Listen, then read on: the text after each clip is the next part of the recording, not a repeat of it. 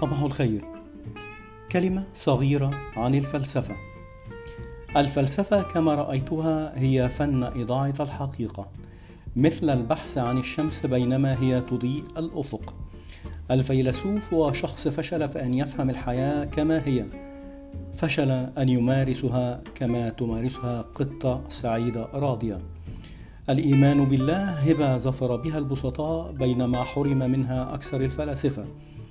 تعتقدون أن الطعام وجد لكي لا نأكله والشراب وجد كي لا نشربه والحب وجد كي لا نعيشه. هناك أشياء مهمة في الفلسفة بالطبع لكن هناك أشياء لا تطاق ولا يمكن احتمالها.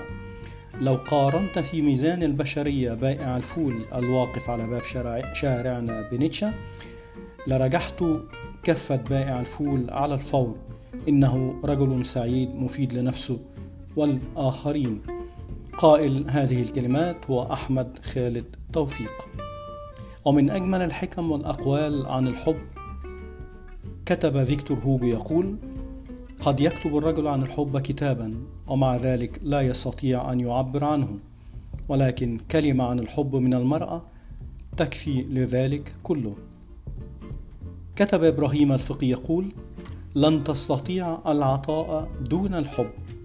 وكتب أحمد خالد توفيق يقول ليتنا أنا وأنت جئنا إلى العالم قبل اختراع التلفزيون والسينما لنعرف هل هذا حب حقا أم أننا نتقمص ما نراه عندما تتغلب قوة الحب على حب القوة سيشهد العالم السلام.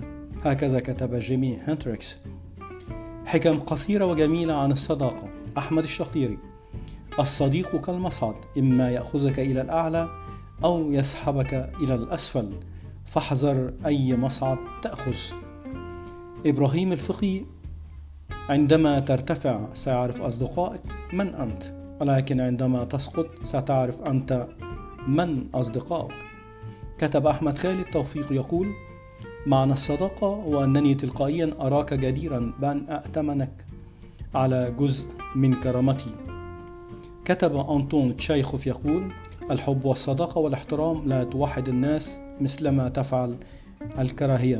وكتب جبران خليل جبران يقول إذا صمت صديقك ولم يتكلم فلا ينقطع قلبك عن الإصغاء إلى صوت قلبه لأن الصداقة لا تحتاج إلى الألفاظ والعبارات.